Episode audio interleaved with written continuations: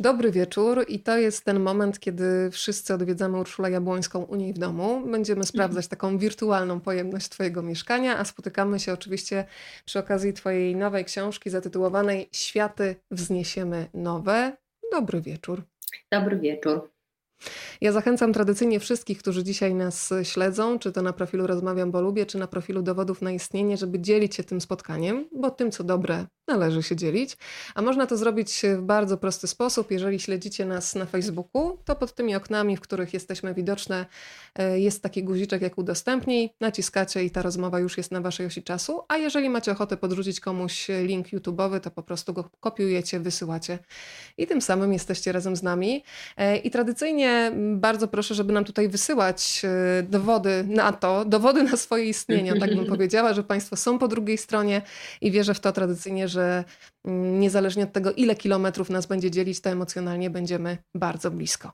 Ula, zacznę od y, przedstawienia Cię Państwu tak kulturalnie. Czyli tak, Pani orientalistka. Reporterka, mm, absolwentka Polskiej Szkoły Reportażu. Mm, państwo doskonale pewnie kojarzą Twoje teksty, na przykład z pisma, ale także z dużego formatu, z wysokich obcasów.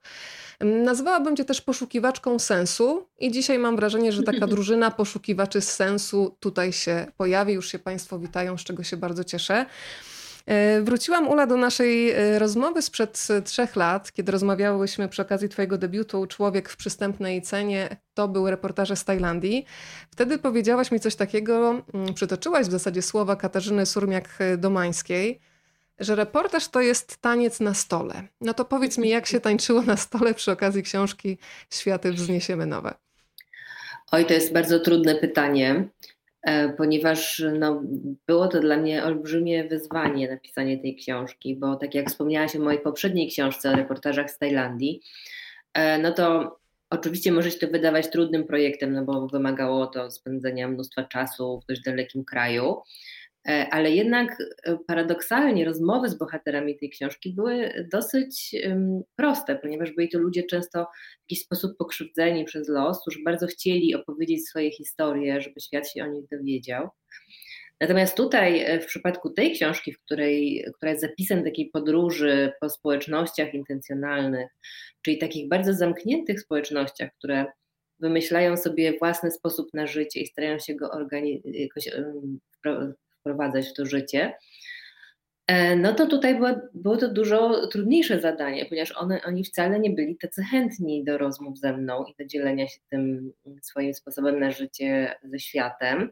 I był to dla mnie trochę taki reporterski szok, mogłabym powiedzieć, ponieważ e, no musiałam bardzo długo i na różne sposoby negocjować e, swój dostęp w ogóle do tych miejsc, więc była to przygoda taka no, zupełnie inna niż to, do czego jestem przyzwyczajona. No to dobrze, to powiedzmy jeszcze o takich elementach, jakie kroki składają się na ten wspomniany taniec na stole, żebyśmy dobrze pojęli tę metaforę. E, tutaj już wiemy, że musiałaś negocjować. E, bardzo bym Cię też poprosiła, żebyś zdradziła metody, jakie zastosowałaś, tak zwane otwieracze do ludzi. E, ale mhm. ile jeszcze jest kroków, które się składają na ten taniec na stole, jakim jest pisanie reportażu? Mhm. No, żeby w ogóle zacząć pracę nad reportażem, trzeba przeczytać wszystko, co jest na dany temat napisane. Bez tego nie ma tej pracy, więc właściwie pierwszy krok są miesiące czytania książek innych, które zostały napisane na podobny temat, żeby mieć świadomość tego, jak wygląda jakiś poziom wiedzy. E, więc bez tego się absolutnie nie da mm, e, w ogóle ruszyć.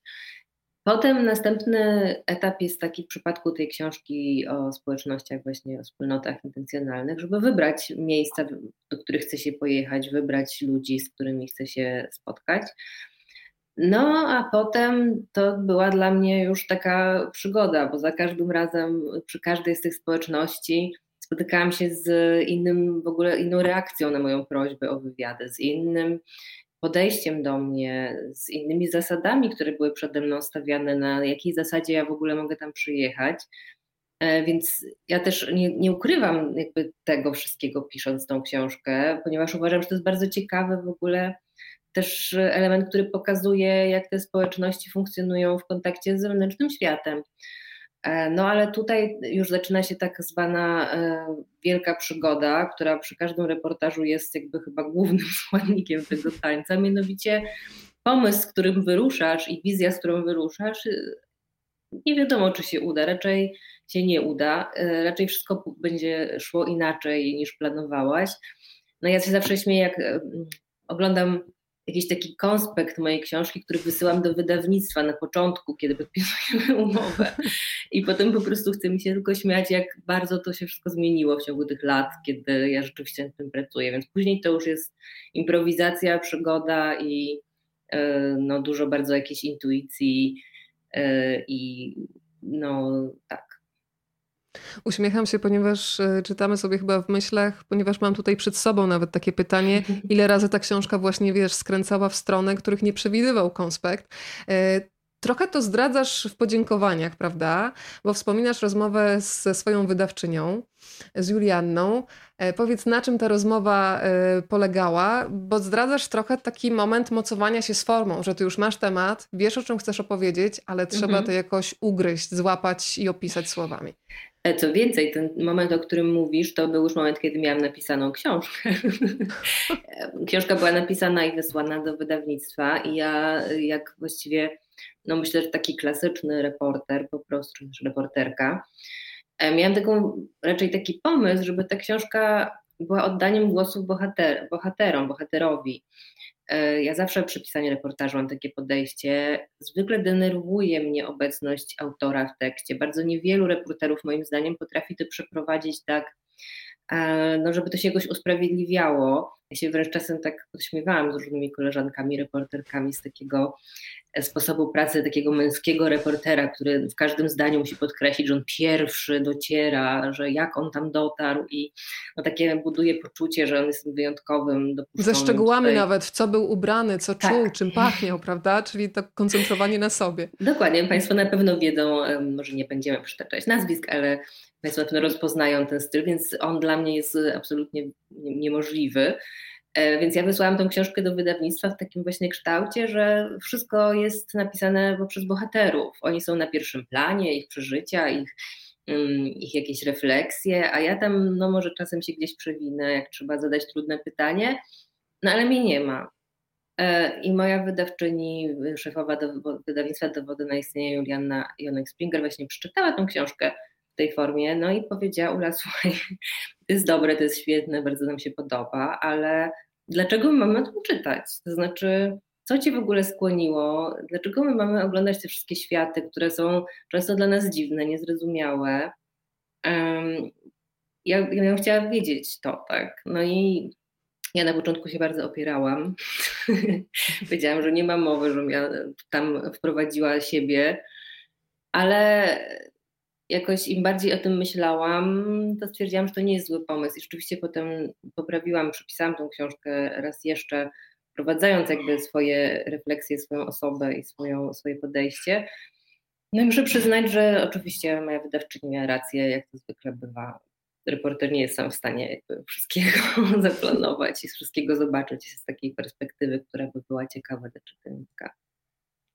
Ula, Państwo tutaj się witają z różnych miejsc na świecie. Anglia bardzo mocno jest tutaj, widzę, reprezentowana. Kalifornia, więc za ocean wow. też już w tym momencie, słuchaj, y, docierasz. Pozdrawiamy też warszawskie kabaty. Bardzo się cieszę, że Państwo są na pokładzie. Lizbona się kłania, pozdrawiamy Monika.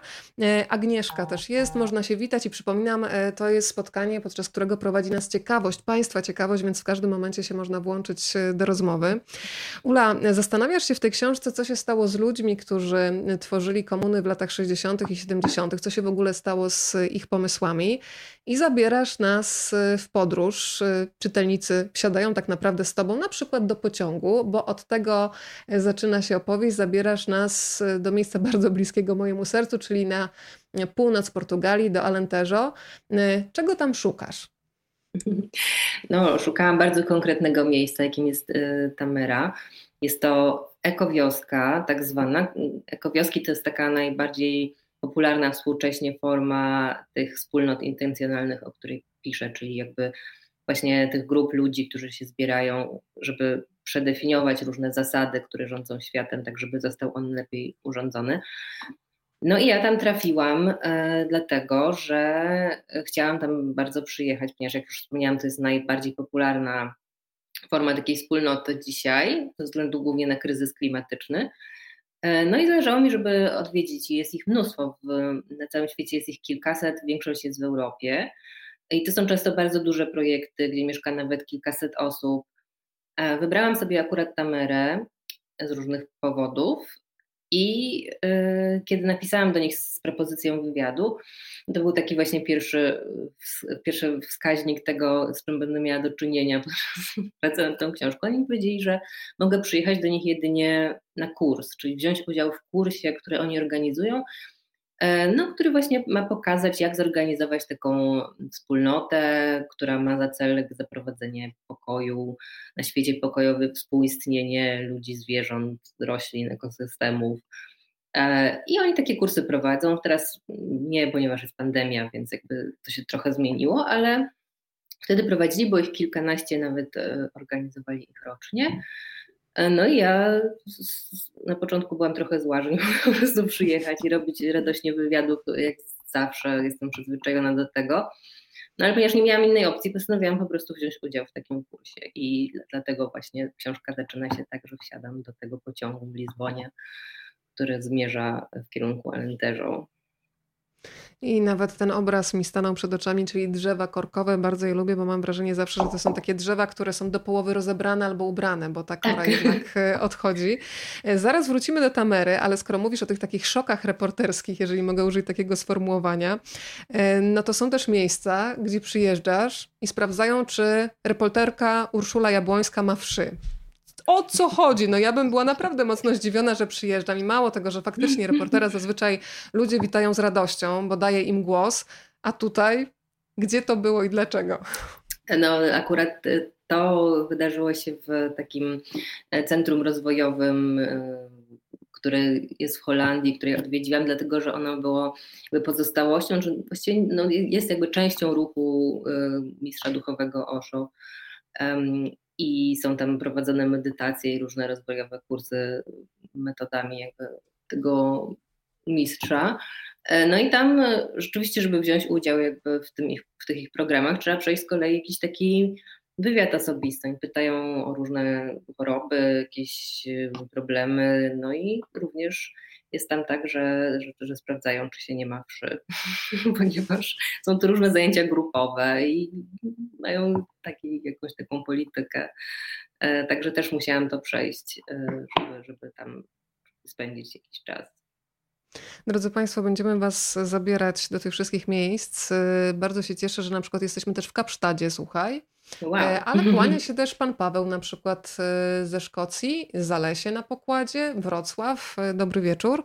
Mm, no to Ula, powiedz trochę o tej Tamerze, do niej wróćmy. Mhm. Tam też musisz zdawać takie dość trudne egzaminy. Ja faktycznie sobie zdałam sprawę, że chyba się też nie nadaje do komuny, bo na przykład prysznice, które opisujesz, kompletnie bez żadnych ścianek, ten rodzaj nagości takiego obnażenia raz emocjonalnego, to o tym, obnażeniu emocjonalnym też pogadajmy, ale też takiego fizycznego, coś, co przyznaję, dla mnie osobiście jest bardzo trudne do zaakceptowania, więc chyba w tej wspólnocie bym się nie odnalazła. E, no tak, tam e, kiedy przyjechałam na ten kurs, okazało się, że nocuję w takiej olbrzymiej sali, gdzie było no, wprawdzie tylko dla kobiet, ale jednak tych kobiet było tam kilkadziesiąt i one spałyśmy na takich materacach ułożonych jeden obok drugiego pod ścianą. E, łazienki były właśnie wspólne e, i wszystko było tak zorganizowane, żeby zapewnić jak największą bliskość, ponieważ mm, jak wspomniałaś, ty się nie nadajesz do tego, ja pewnie też nie bardzo. Natomiast ludzie, którzy tam przyjeżdżają, zwykle mają e, olbrzymią tęsknotę za takimi bliższymi relacjami z ludźmi. Oni szukają tych relacji, szukają sposobów, żeby je jakoś zacieśnić. I wydaje mi się, że to nie jest dziwne, ponieważ w dzisiejszym świecie, który tak strasznie promuje taki skrajny indywidualizm, jednak wiele ludzi ma taki problem samotności, jakiegoś zamknięcia nawet ze swoją rodziną, taką mm, ojciec, matka, dzieci, tak, że ta potrzeba szerszych takich bliskich relacji jednak z ludźmi jest w ludziach ogromna. I ci ludzie, którzy tam przyjeżdżają w jakiś sposób już na tym kursie mają pracować nad tym, żeby być ze sobą bliżej, czyli właśnie z tymi swoimi trochę takimi no, oporami. e, nawet przed spaniem, tak, we wspólnej sali, czy, czy właśnie tymi prysznicami, tak. Także no myślę, właśnie dlatego opisałam to jako swego rodzaju egzaminy, takie testy, bo od początku czułam, że, że to jest wszystko wymierzone w jakąś właśnie pracę nad tym. Kiedy opowiadasz o różnych wspólnotach, to przyznaję, że w głowie też mi został taki opis nie wiem nawet jak to nazwać, zbiorowego porodu albo porodu wśród wspólnoty zbiorowości. Jest takie zdanie, że, z którym się akurat zgadzam, że poród nie powinien być niczym wstydliwym, nie powinien być schowany w szpitalu, nie być jakąś wstydliwą tajemnicą.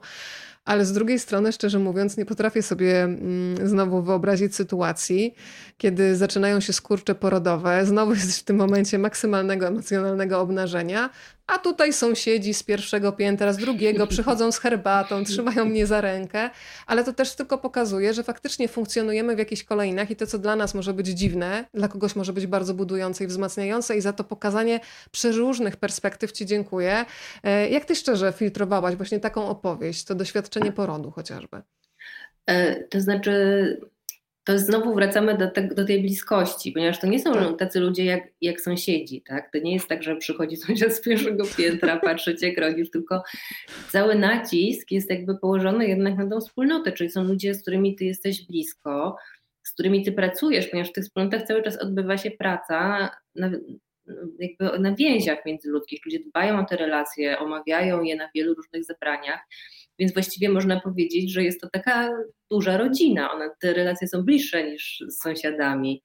E, no, oczywiście mi się też to wydaje niesamowicie trudne, natomiast e, no, ja wyruszyłam w tę podróż po tych wspólnotach po to, żeby poznać jakby różne inne perspektywy, które niekoniecznie są bliskie mi, ale mm, no, gdzieś zmagają się z różnymi problemami naszego społeczeństwa. I e, tak jak właśnie ten poród wspólnotowy jest gdzieś, e, tak jak wspomniałaś, przeciwstawiony temu, że kobieta aktualnie jest po prostu totalnie poddana tej medycynie, gdzieś wyjęta ze swojego środowiska naturalnego, schowana w szpitalu, jakby była chora przy tym porodzie, no to tutaj widzimy taką inną perspektywę po prostu, że to jest radosny dzień dla, nie tylko dla kobiety czy jej rodziny, ale dla całej społeczności po prostu. Ula, Twoja książka mi uświadomiła, e, jak bardzo często poruszam się, mówię tutaj za siebie, każdy będzie filtrował Twoją książkę właśnie przez swoje doświadczenia. No po takich kolejnach e, i w końcu miałam taki moment zatrzymania, kiedy zaczęłam badać, czy te ślady, które tworzą te kolejny, to jest efekt jakichś świadomych wyborów, czy jednak takiego życia, nie wiem jak to nazwać, siłą rozpędu. No i okazywało się, że wiele rzeczy z góry uznaję za normalne, bo zostałam wychowana w takiej nie, innej kulturze, ale kolejni Twoi bohaterowie, Uczą mnie czegoś, o czym kiedyś wspominał mi Andrzej Jakimowski, fantastyczny reżyser, ale też człowiek po filozofii, że on ma taką zasadę, że lubi podważać własne przekonania, sprawdzać na przykład co kilka lat, czy to, co sądził kiedyś, nadal jest aktualne, chociażby po to. I zastanawiam się, bo ja mówię tak, śledzę y, historię bohaterów, ale cały czas mam w głowie kolejne pytania do siebie. Y, jak bardzo praca nad tą książką zweryfikowała również Twoje podejście do życia? Były jakieś autodiagnozy? Coś, na czym się złapałaś i coś się samą zaskoczyło, bo nie przypuszczałaś, że, że możesz tak myśleć, albo że to jest dla Ciebie dziwne, a nagle okazuje się całkiem normalne.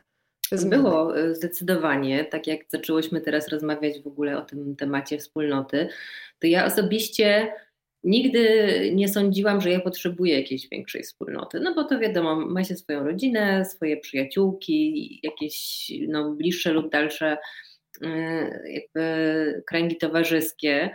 Taki przeciętny człowiek mieszkający w mieście nie myśli o tym, że, żeby budować jakąś wspólnotę na, wokół jakiejś wartości zgromadzoną na jakichś innych zasadach. I muszę przyznać, że jednak ta podróż pokazała mi, jak, jak olbrzymią w ogóle wartością jest budowanie takich wspólnot. I że, może, że ja mogę to zrobić mieszkając w mieście, nie muszę mieszkać w komunie, e, że może to zrobić każdy z nas i że to jest niesamowicie ubogacające doświadczenie. Po pierwsze, e, osobiste, ale też w ogóle takie społeczne, bo jeżeli zaczniemy się zastanawiać, skąd się w ogóle biorą zmiany społeczne, no to one się biorą z góry, z jakichś regulacji prawnych, albo, ale też od dołu, czyli też od ludzi, którzy się organizują na bardzo takich podstawowych poziomach i to, ta podróż pokazała mi, że ja też się mogę zaangażować w takie społeczności i, e, i jak, jak, to, jak to jest fajne. E, I reporterka Urszula Jabłońska się zaangażowała. W jaki sposób o tym Państwu opowiemy jeszcze za chwilę. Mm, ale jeszcze wcześniej chciałabym, żebyśmy trochę pogadały o tym, że Twoja książka e, jest jednocześnie i ostrzeżeniem, i inspiracją, bo pokazujesz masę ludzi, którzy faktycznie ogromnym nakładem pracy, zaangażowaniem, konsekwencją angażują się w zmienianie świata. Zaczynają od tego, żeby zmniejszyć go do takich rozmiarów, który jest do ogarnięcia. Myślę na przykład tutaj o ludziach, którzy zajmują się permakulturą. Myślę o ludziach, którzy wymyślają nowe modele nauczania, żeby szkoła nie była opresyjna e, i wymagała podporządkowania, uczyła myślenia i żeby szkoła była doświadczaniem. E, to są też ludzie, którzy włączają do działania, do kooperatyw uchodźców. Tam jest cała masa fantastycznych projektów, które mogą nas e, inspirować, no ale też są bardzo mroczne historie, historie, które mi mhm. uświadamiają, jak łatwo tak naprawdę poddać się czyjejś narracji, mając bardzo dobre intencje i że nie chroni nas ani wyższe wykształcenie, ani jakaś niby świadomość. Bo wśród Twoich bohaterów są ludzie na przykład z wykształceniem psychologicznym, którzy teoretycznie powinni takie czerwone lampki alarmowe wychwytywać szybciej, ale jednak nie. To powiedzmy trochę o tym mroku. Yy, kilka historii ku przestrodze, że czasami dobre intencje, a nawet prawie zawsze, same nie wystarczą. Mhm. No dobrze, że o tym wspominasz, bo ja rzeczywiście zresztą piszę o tym w książce dość otwarcie. Ja bardzo um, uważałam, żeby nie popaść w jakąś taką narrację, którą się zwykle przykłada do tych społeczności, ponieważ zauważyłam, że w, w, ich przypadku, albo jest, jest to taka narracja totalnie hura optymistyczna, czyli po prostu porzućmy naszą cywilizację, wyprowadźmy się wszyscy w Bieszczady i tam po prostu zacznijmy od początku. To jest jedyne rozwiązanie. I to jest taka narracja, którą często te społeczności starają się w ogóle same generować jakoś, żeby no, ten, ten swój mm, message gdzieś tam posłać dalej, a druga narracja jest, jest totalną taką moralną paniką, czyli po prostu jaka wolna miłość, jakie w ogóle jakieś dziwne religie, dziwni guru, po prostu co to jest.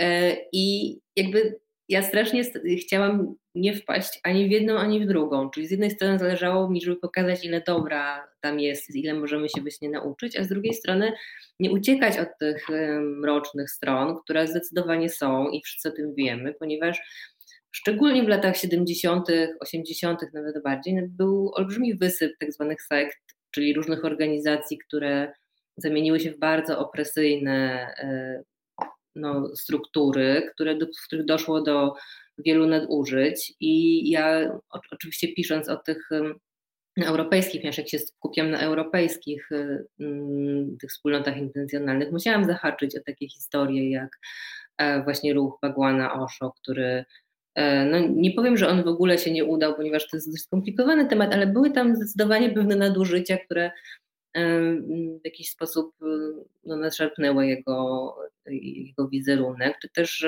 komuna założona przez akcjonistę wiedeńskiego Ottona Miula pod Wiedniem, e, która skończyła się tym, że został on aresztowany i spędził 7 lat w więzieniu za no, pedofilię.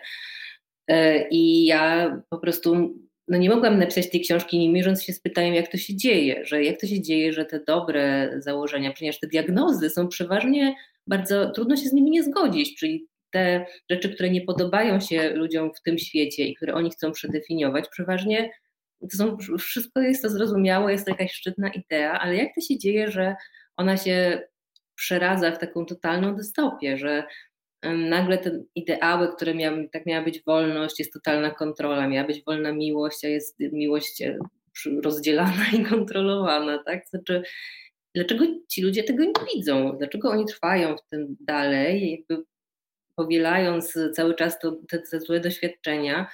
No to było dla mnie takie trudne pytanie i ja się z nim bardzo zmagałam pracując nad tą książką, Oczywiście nie ma na nie odpowiedzi prostej, natomiast no nie wyobrażałam sobie, żeby się nie zmierzyć z nim. Powiedziałaś, Ula, hasło wolna miłość. E, I to jest coś niesamowitego, kiedy łapię się sama na tym, jak łatwo nam czasami wejść w jakąś taką pozycję wyższościową w ocenianiu. E, to jest oczywiście kiepska konstatacja, kiedy człowiek się łapie na tym, jak łatwo i szybko ocenia, ale dobrze, że ta konstatacja przychodzi. I kilka stron dalej człowiek się może potknąć e, o to, że jakoś dużo łatwiej akceptuje mm, hipokryzję w innym wydaniu. E, ta mama jedną bohaterkę tutaj wspomniałaś o tym, że jest taka wspólnota, gdzie faktycznie były wręcz zasady, że trzeba współżyć dwa razy dziennie, nie można sobie było wybrać partnera. E, były nawet tak skonstruowane mieszkania, że mm, te miejsca, w których e, nasi bohaterowie mieszkają, że mm, no było jedno łóżko i w zasadzie mężczyzna, jeżeli chciał spać, no to musiał sobie znaleźć jakąś towarzyszkę na noc, co faktycznie no, jest dla mnie dziwne i budzi jakieś takie emocje trudne. Natomiast jedna z bohaterek opowiada o tym, że jej rodzice też byli oburzeni, jak tak może, natomiast ona doskonale z własnego życia pamiętała, że ci sami rodzice e, no, mieli mnóstwo związków na boku, ale najważniejsze było to, co powiedzą ludzie. No i w tym momencie tak. sobie myślisz, czym się różni jedna, znaczy tak naprawdę, że ta hipokryzja jest gorsza od otwartych zasad, gdzie ludzie mhm. jawnie się określają, na co się godzą lub nie i to jest ich wybór.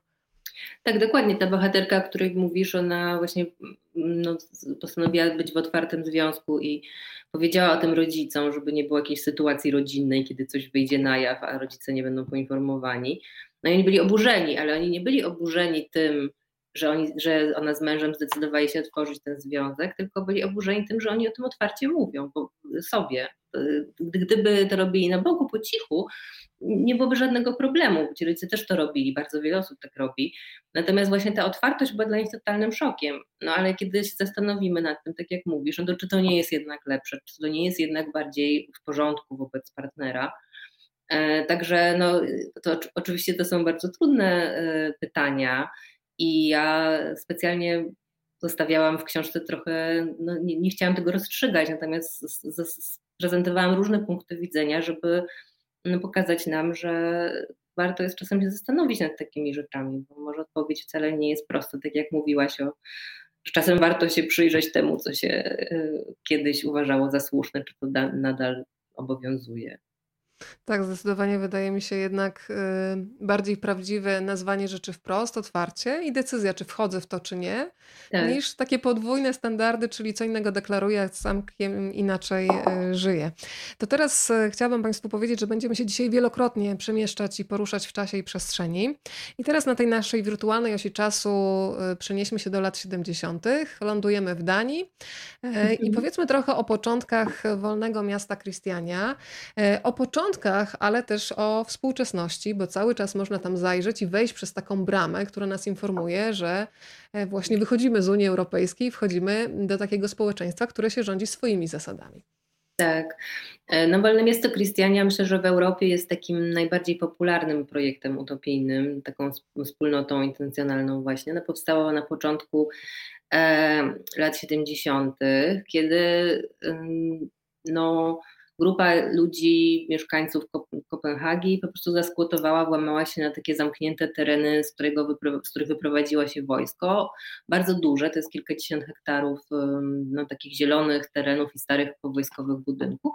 I oni po prostu zajęli ten teren i powiedzieli, że proklamują tutaj wolne miasto Krystiania i może tu przyjść każdy i każdy zamieszkać. I taki bunt myślę, że wziął się w dużej mierze z tego, że byli to ludzie młodzi, którzy nie mogli sobie pozwolić na nawet wynajęcie mieszkania w Kopenhadze, który to problem, zakładam, jedynie się pogorszył w lat 70. i dotyczy on wielu miast, że studenci czy młodzi pracownicy po prostu nie są w stanie tego mieszkania sobie zapewnić. Więc uznali, że po prostu sobie je wezmą i że miasto też należy do nich. I na tym terenie zorganizują społeczeństwo w ten sposób, że po prostu każdy będzie równy, że nie będzie tu żadnych władz, że wszystko będzie ustalane na takich zebraniach, gdzie każdy będzie z nich wychodził zadowolony, że co do każdej decyzji każdy musi się na nią zgodzić e, i będzie to taki sposób funkcjonowania bez hierarchii, bez władzy, no, który pozwoli stworzyć takie społeczeństwo właśnie idealnie równe. No, trzeba przyznać, że jest to naprawdę piękna, piękny pomysł. E, natomiast jego realizacja, no, oczywiście natrafiła na olbrzymią ilość problemów.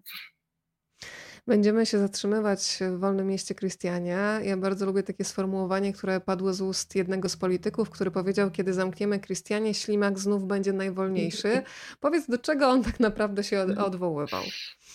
No właśnie do tego, że y, wychodząc od tych pięknych zasad y, założycielskich, dzisiaj sytuacja wygląda tak, że mieszka tam 900 osób.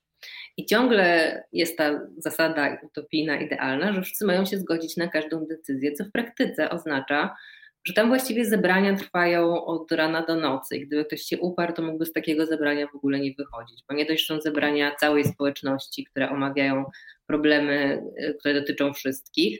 Są zebrania każdej z 12 dzielnic, są zebrania wszystkich sklepów, kawiarni, y, przedszkoli, szkół, znaczy szkół bo tam nie ma przedszkoli, przedszkole tylko jest, no ale w każdym razie każda jakaś inicjatywa ma swoje zebranie i ludzie cały czas dyskutują i cały czas usiłują osiągnąć ten konsensus. E, także kiedy Krystiania zaczęła mieć problemy z władzami, które jednak uznały, że istnienie wolnego miasta w centrum europejskiej stolicy to nie jest chyba najlepszy pomysł i trzeba by to miasto jakoś unormalizować prawnie, e, no to zaczęły się jakieś negocjacje z tymi władzami które wyglądały właśnie w ten sposób, że szli przedstawiciele Christiani y, na rozmowy, a potem wracali i nie mogli, oni nie mogli podjąć sami tej decyzji, tylko wracali i zaczynały się trwające wiele nawet lat rozmowy na ten temat i politycy po prostu dostawali e, białej gorączki, ponieważ e, kompletnie nie rozumieli tego sposobu funkcjonowania i dlatego ten polityk tak powiedział, że kiedy zamkną Christianie, ślimak znowu będzie najwolniejszy, ponieważ czasem musieli latami czekać na odpowiedź po prostu na jakieś zadane pytanie.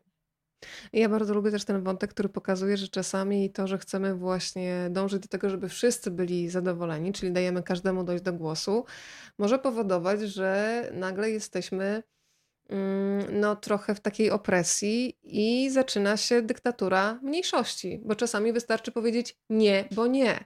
Jeszcze pół tak. biedy, kiedy jest nie, bo i tutaj następuje argumentacja, ale no zawsze znajdą się takie jednostki, które chociażby dla zauważenia powiedzą to nie, co wstrzymuje jednak cały proces i jesteśmy w pułapce. Mhm. Dokładnie, dlatego też, ponieważ konsensus to jest taki, taka idea, którą kieruje się nie tylko Christiania, gdzie mieszka 900 osób, ale także większość tych społeczności tak naprawdę. E, dlatego teraz opracowany został nowy system, który się nazywa socjokracją, który polega na tym, żeby ukrócić tą dyktaturę mniejszości, czyli że nie można właśnie takiej postawy nie, bo nie przyjąć. Można, e, można postawić po prostu no taki, możemy mieć jakiś argument, powiedzieć nie, ponieważ i otworzyć dyskusję na ten temat, ale nie można powiedzieć po prostu nie, bo nie i no jest to taki ulepszony konsensus, który no ma ograniczyć jednak te ciągnące się latami zebrania. E, Ula, bardzo ciekawa część Twojej książki to jest dla mnie pokazanie dwóch różnych perspektyw. Czyli z jednej strony ludzi, którzy mm, z własnego wyboru wybierają taką, a nie inną wspólnotę mm, i braku wyboru dzieci, które przychodzą na świat już w tych wspólnotach. Mhm. E, I to jest naprawdę bardzo ciekawe spojrzenie, kiedy patrzymy na człowieka, który nie zna w ogóle alternatywnego modelu funkcjonowania i nagle, kiedy opuszcza wspólnotę często po latach, no jest trochę jak człowiek, który, nie wiem, kilkanaście lat spędził w więzieniu i nagle musi sam o siebie zadbać e, i w ogóle uczy się, że powinien mieć własne zdanie. E, że to przebywanie we wspólnocie daje być może bezpieczeństwo, ale jednocześnie wielokrotnie nas zwalnia z myślenia, co może być, jak już tutaj mówiłyśmy, mhm. bardzo ryzykowne. Tak, mi bardzo zależało, żeby pokazać perspektywę dzieci, które się wychowują, wychowały się w takiej wspólnocie, ponieważ ja stoję na stanowisku, że jednak e, dorosły może podjąć w swoim życiu dowolne kroki, może zdecydować się na wszystko, co chce, ponieważ jest dorosły i jest za siebie odpowiedzialny. Natomiast jeżeli chodzi o dzieci, które nie mają takiego wyboru, no to zalecana jest jednak olbrzymia ostrożność w tym, jakie warunki życia się tym dzieciom funduje. Ja w swojej książce mm, przytaczam zarówno doświadczenia dzieci, które były jakby dorosłe w takich dość autorytarnych y, systemach i później musiały się bardzo długo zmagać właściwie z traumą spowodowaną tymi wydarzeniami, jak i też perspektywę dzieci, które wyrosły w dobrych wspólnotach, które wyszły z nich później na nasz świat i trochę takimi świeżymi oczami patrzą, to jest akurat jeden chłopak, patrzy on y, świeżymi oczami po prostu na to, w czym my żyjemy i dostrzega różne takie y, no, jakby niefajne pęknięcia, o których my właściwie nie myślimy, ponieważ on jednak właśnie wyrósł w takiej bliskiej wspólnocie pełnej zaufania. E, więc no i oprócz tego oczywiście przytaczam też różne takie anegdotyczne historie, natomiast wydaje mi się, że dzieci zdecydowanie zasługują tutaj na szczególną uwagę. Tak, bo pokazujesz takie modele, które funkcjonują we wspólnotach, które opisujesz, gdzie na przykład dziecko nawet nie ma świadomości, kto jest jego ojcem. E, Mhm. Są też czasami dyżury dorosłych, e, gdzie dzieci też śpią w innych osobnych pomieszczeniach, są odwożone do szkoły, jedzą razem obiady, ale no nie ma takiej bliskości z tą dwójką rodziców, tak jak to zazwyczaj wygląda, chociaż też już bym nie powiedziała zazwyczaj, bo przecież mamy mnóstwo rodzin, e, które są rozdzielone i funkcjonują w Tak. przeróżnych przecież układach. Mm, Dla mnie też bardzo ciekawa część Twojej książki to jest y, ten wątek, który otwiera bohaterka po 60 bodajże, która pokazuje, że tak naprawdę w momencie, kiedy albo dzieci wychodzą z domu, albo mamy osoby, które po prostu są bezdzietne, to ten system tradycyjny, tak to nazwijmy, niewiele ma im do zaoferowania i czasami właśnie to poszukiwanie wspólnoty jest poszukiwaniem takiej rodziny z wyboru, gdzie nie wiążą nas więzy krwi, ale jakieś Mhm. wspólne idee, wartości, zainteresowania i to, że faktycznie jesteśmy dla siebie użyteczni, że możemy sobie pomóc. Dokładnie, ja miałam olbrzymią jakoś taką, no olbrzymia ciekawość y, moja dotyczyła nie tylko tych ludzi, którzy w tych wspólnotach mieszkają, ale też tych ludzi, którzy na przykład przyjechali na taki kurs, żeby się nauczyć, żeby dla mnie było niezwykle ciekawe rozmawianie z nimi, czego, co im nie odpowiada w tym świecie i dlaczego oni właściwie chcieliby mieszkać w takiej wspólnocie, ponieważ większość tych ludzi na tych kursach chciałaby. E, No i tak jak mówisz, właśnie były to często mo- mo- motywacje rodzinne. Często było one oczywiście związane ze zmianami klimatu i w ogóle takim myśleniem, co my mamy zrobić w tym momencie, kiedy zaczną te zmiany klimatu mieć naprawdę duży wpływ na nasze życie, ale olbrzymia część e, tych ludzi właśnie szukała takiej rodziny, czyli tak jak mówisz, właśnie ta bohaterka, która, której dzieci się wyprowadzały z domu, a ona po prostu miała mieszkanie w Amsterdamie i miała w nim zostać sama i nagle e, rodzi się myśl, dlaczego ja mam tu siedzieć sama, tak? To znaczy, co mam codziennie wychodzić do baru, szukać jakichś znajomych, no nie wiem. I druga była też kobieta, która chciała po 30, która chciała mieć dziecko, no ale wiedziała, że kiedy zdecyduje się na macierzyństwo, no to będzie to wyglądało tak, że ona będzie siedzieć przez ten rok czy pierwsze dwa lata w domu e, z tym dzieckiem, mąż będzie wychodził do pracy i właściwie nie ma dla niej innej, innej drogi, innego modelu i zaczęła się zastanawiać, no ale to może zbierzmy się w kilka rodzin, może po prostu zamieszkajmy razem, będzie nam łatwiej, te dzieci będą razem, my będziemy się wspierać. Więc są zawsze pomysły, które rodzą się z jakiegoś takich niedostatków tego naszego życia w danym momencie. Dla mnie bardzo ciekawe jest to, że nie wiadomo kiedy, nie wiadomo jak, w zasadzie w każdej wspólnocie, która nawet ma takie bardzo idealistyczne założenia, że wszyscy mają być równi, w taki nawet niejasno określony sposób tworzy się hierarchia. I nagle w tej wspólnocie, która miała być równa, pojawia się kasta uprzywilejowanych. I tutaj od razu, nie wiem, przychodzi mi do głowy Bagwan i 93 Rolls Royce, które muszą być. Są e, strażnicy pokoju, którzy mają e, broń, e, karabiny w rękach, żeby tego pokoju bronić, więc no to już są same w sobie sytuacje absurdalne. Ale jak myślisz po, po tych spotkaniach, po tej książce, jest w ogóle możliwe, że my sobie zadeklarujemy równość? Czy jednak w naturze ludzkiej jest to, że ktoś jest ważniejszy, ktoś musi być przewodnikiem, a może my w ogóle potrzebujemy kogoś, na kogo przerzucimy odpowiedzialność? No bo skoro mamy przewodnika, no to Mhm. część swoich obowiązków przerzucam na kogoś. Może niektórzy tak lubią i tak chcą. No to jest takie pytanie z gatunku, grube pytanie, które towarzyszyło mi. Albo grubo, albo wcale. Tak, dokładnie, które towarzyszyło mi y, bardzo przy pisaniu tej książki.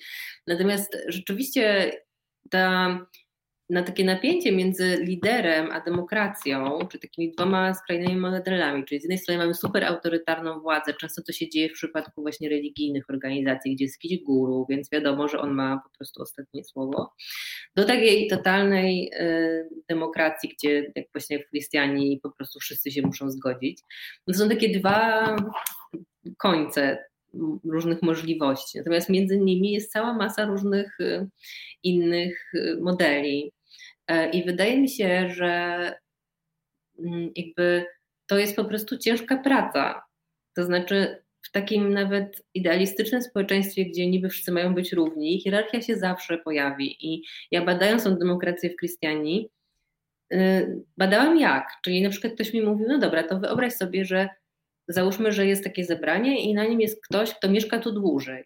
Albo ktoś, kto ma czas chodzić na te wszystkie zebrania, bo nie wszyscy mają niektórzy mają dzieci, niektórzy mają pracę jakąś zajmującą, no to już te osoby, które na przykład właśnie mają ten czas, mają więcej informacji, więc oni już mają większą władzę, bo lepiej się orientują. Ci, którzy mieszkają dłużej, mają większy autorytet, bo mogą powiedzieć: No, ja tu mieszkam 20 lat, ja wiem, jak tu sprawy się mają, ja już tutaj niejedno widziałem. I ta hierarchia tworzy się po prostu natychmiast. I jedynym sposobem, żeby z tym walczyć, to jest to powiedzieć. To znaczy, że ktoś musi wstać i powiedzieć: Przepraszam, masz po prostu za dużo tych informacji, podziel się nimi. Albo ja jestem może nowy, ale też chcę jakby zwracać uwagę na tę hierarchię, bo często w takich społecznościach, które udają, że są właśnie całkowicie równe, przymyka się na to oko, bo ta hierarchia jest ukryta, bo to nie są rzeczy, które na przykład, to nie jest tak, że ktoś ma wyższe stanowisko i od razu widzimy, że on ma tą władzę, tylko właśnie to są takie niewypowiedziane rzeczy, ale my naprawdę możemy z tym walczyć, bo też widziałam w tych społecznościach, że kiedy na przykład ktoś zauważył, że jest jakaś nierówność, na przykład, że mężczyźni traktują kobiety gorzej, bo one na przykład gorzej sobie radzą jeżdżąc na traktorze, tak? Bo to była akurat jakby taka rolnicza społeczność. No to kobiety wstają i przepraszam, ale musimy zorganizować tutaj grupę, że mężczyźni usiądą i porozmawiają o tym, jak traktują kobiety i jak to zmienić. I jakby kiedy wykonujemy taką pracę, to wtedy możemy tak naprawdę mieć pewność, że ta hierarchia jest kontrolowana. I wydaje mi się, że to jest niestety taka, taki wniosek, że my nie uciekniemy od tych, od tych rozmów i po prostu ciągłego prostu zadawania sobie pytania, czy tutaj się nie odbywa jakieś nadużycie, czy tej władzy ktoś nie ma za dużo. Ula, pojawiają się pierwsze pytania. Y, jest pytanie o wspólnotę w Polsce. Od razu Ci muszę też powiedzieć, że już sprzedałam jedną Twoją książkę. Byłam ostatnio we Wrzeniu Świata. Widziałam się z Jerzym Ilgiem i Wojciechem Bonowiczem. I Jerzy Ilg, który się przyznaje do hipisowskich korzeni, od razu powiedział i wyszedł z Twoją książką. Także będę bardzo ciekawa. Poproszę go potem jeszcze o recenzję i o jego odbiór jako człowieka, który przecież te wspólnoty hipisowskie też doskonale zna. Y, pytanie od Pani Basi. Czy zgłębiając temat poznała Pani jakąś wspólnotę w Polsce? E, w Polsce wiem, że funkcjonuje jedna ekowioska już od lat 90. na południu kraju. E, I wiem też, że jest mnóstwo w ogóle energii, planów, pomysłów i prób uruchomienia różnych takich wspólnot. Cieszy mnie to po prostu niebywale, bo to rzeczywiście z roku na rok się coraz bardziej zagęszcza. I jakby ja jestem totalnie zwolenniczką tych, tych wszystkich pomysłów. Natomiast muszę szczerze przyznać, że jakby zgłębiając ten temat, nie udało mi się znaleźć, oprócz tej jednej ekowioski na południu, żadnej takiej, która by no, w jakiś sposób trwała już od lat kilku i mm, no, była taką wspólnotą naprawdę żyjącą razem, a nie na przykład grupą sąsiadów, którzy po prostu mieszkają obok siebie i tylko jakby bardziej na różnych takich zasadach wspólnotowych się um, zorganizowała, ale mam wrażenie, że jesteśmy naprawdę dobrej drodze, żeby na, w przeciągu kilku lat zaczęły takie wspólnoty powstawać. Kolejna książka znalazła właśnie dom. Pani Iwona napisała, że ściągnęła na półkę na Legimi i czeka z niecierpliwością na przeczytanie. Bardzo mi to życzymy dobrej le lektury. E, pani Tośka napisała wa ważną rzecz, takie wsparcie dla matek, nawet od innych matek byłoby świetne. I opisujesz takie społeczności, gdzie faktycznie Oczywiście. E, bohaterowie mówią o tym, że czasami faktycznie rodzice non-stop pracujący nie mogą dać takiej uwagi swojemu dziecku, jaką by chcieli i gdzieś ta uwaga, czułość, troska też się tak po kawałeczku na grupę jakoś tak e, przekłada, prawda? Mhm. No tak, ja e, rozmawiałam właśnie w Tamerze z ludźmi, którzy wychowują dzieci w ten sposób, że te dzieci jednak mieszkają w grupie, e, mieszkają w swoim jakby mm, oddzielnym takim pokoju dla dzieci, czy też jurcie, bo to była akurat jurta dla, dla dzieci, którym i zajmują się nimi ludzie ze społeczności, mają dyżury normalnie, na które się mogą zapisywać. Są to różni ludzie, którzy lubią dzieci, chcą z nimi spędzać czas ale są, to, są też takie zasady żelazne, których się tam nie łamie, czyli że dziecko zawsze może przyjść do rodziców, to znaczy nie jest tak jak na przykład w kibucach w Izraelu, gdzie dzieci naprawdę były izolowane i tam mogły się widzieć z rodzicami tylko przez dwie godziny dziennie i często bardzo je to traumatyzowało. Teraz jednak już jest tak, że dzieci zawsze jak mają potrzebę mogą przyjść do rodziców i spędzają też z rodzicami na przykład cztery dni mieszkają w, ty, w, tej swoim, w tej swojej grupie, a trzy dni z rodzicami. E, no i w ten sposób ci rodzice też mają dla siebie po prostu więcej czasu, mają czas na swoje sprawy. Więc ten czas z dziećmi jest po prostu czasem dla dzieci, z dziećmi, całkowicie się im poświęcają i no naprawdę w wielu przypadkach funkcjonuje to, to dobrze. Poszukiwacze sensu. Dzisiaj na pokładzie rozmawiam, bo lubię. Przypominam, że w każdym momencie można się włączyć do rozmowy i podzielić tym spotkaniem. Guzik udostępnij pod oknami, w których jesteśmy widoczne.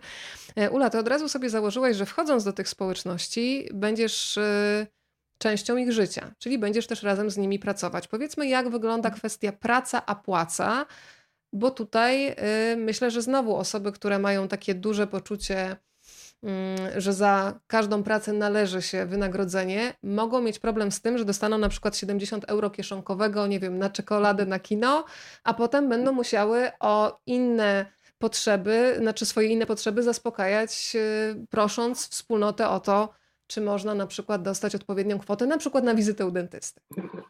No, tylko wiesz, no, prosząc wspólnotę, tak naprawdę no to oni też są częścią wspólnoty, więc tak. tak jakby prosili siebie. No, to, o czym mówisz, to oczywiście jest e, kooperatywa rolnicza we Francji, w Prowansji, którą odwiedziłam, e, która miała taki mm, radykalny pomysł na odejście od kapitalistycznego systemu w latach 70., żeby stworzyć taką sieć e, takich wiosek właściwie, w których będą mieszkać ludzie, którzy będą starali się być samowystarczalni. Czyli jakby wszystkie swoje potrzebne do życia no, jedzenie, jakby ubrania, meble, wszystko po prostu zapewniać sobie sami. No i to było kolejne pytanie, z którym ja się mierzyłam podczas pracy nad tą książką. Czy w ogóle możliwa jest samowystarczalność? Czy ona jest konieczna? I jakby w jaki sposób y, w ogóle się na ten temat zabrać, no bo teraz bardzo dużo osób ma taki pomysł, żeby być samowystarczalnym, wyprowadzić się na wieś i tam po prostu wszystko sobie samemu zapewniać. Tylko czy to jest potrzebne i czy to, i czy to jest możliwe? No oczywiście wyszło mi na to, że nie jest to możliwe, natomiast czy to jest potrzebne, to jest skomplikowane pytanie.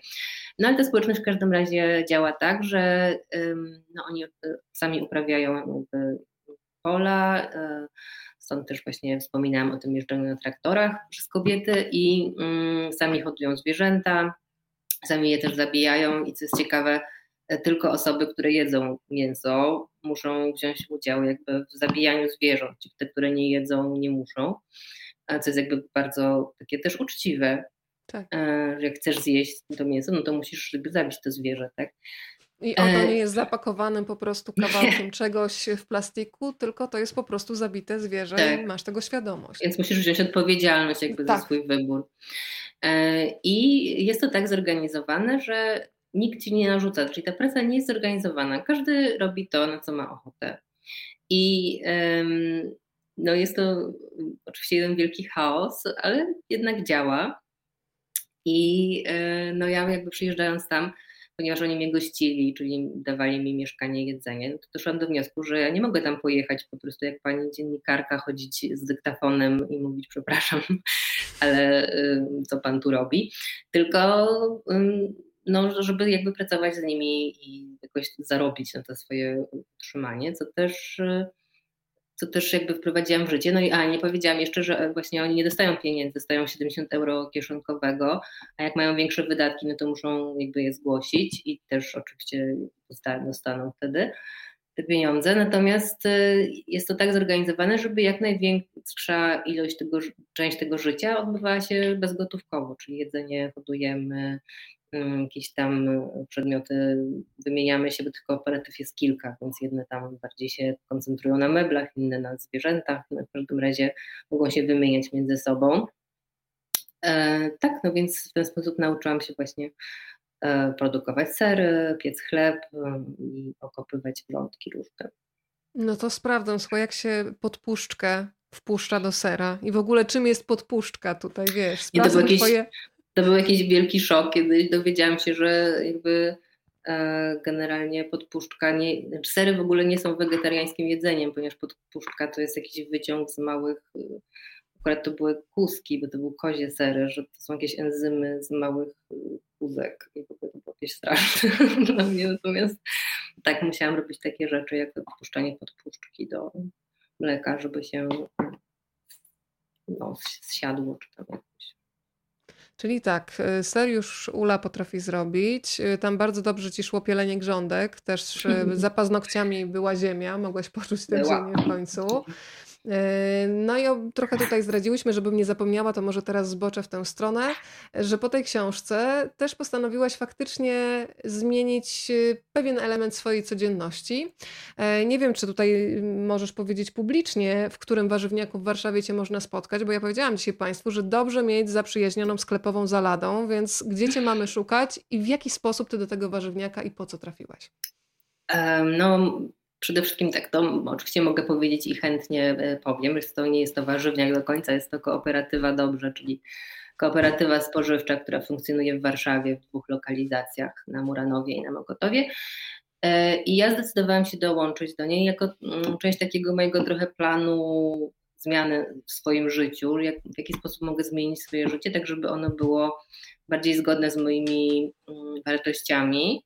E, no i jakby zastanawiając się nad tym, myślałam dużo o właśnie jedzeniu, które jem i to, że kupuję w sklepie, że ono pochodzi z jakichś miejsc bardzo dalekich i postanowiłam to jednak ulokalnić, a ta kooperatywa robi tak, że bierze produkty od e, swoich, e, od różnych takich zaprzyjaźnionych rolników niedaleko Warszawy.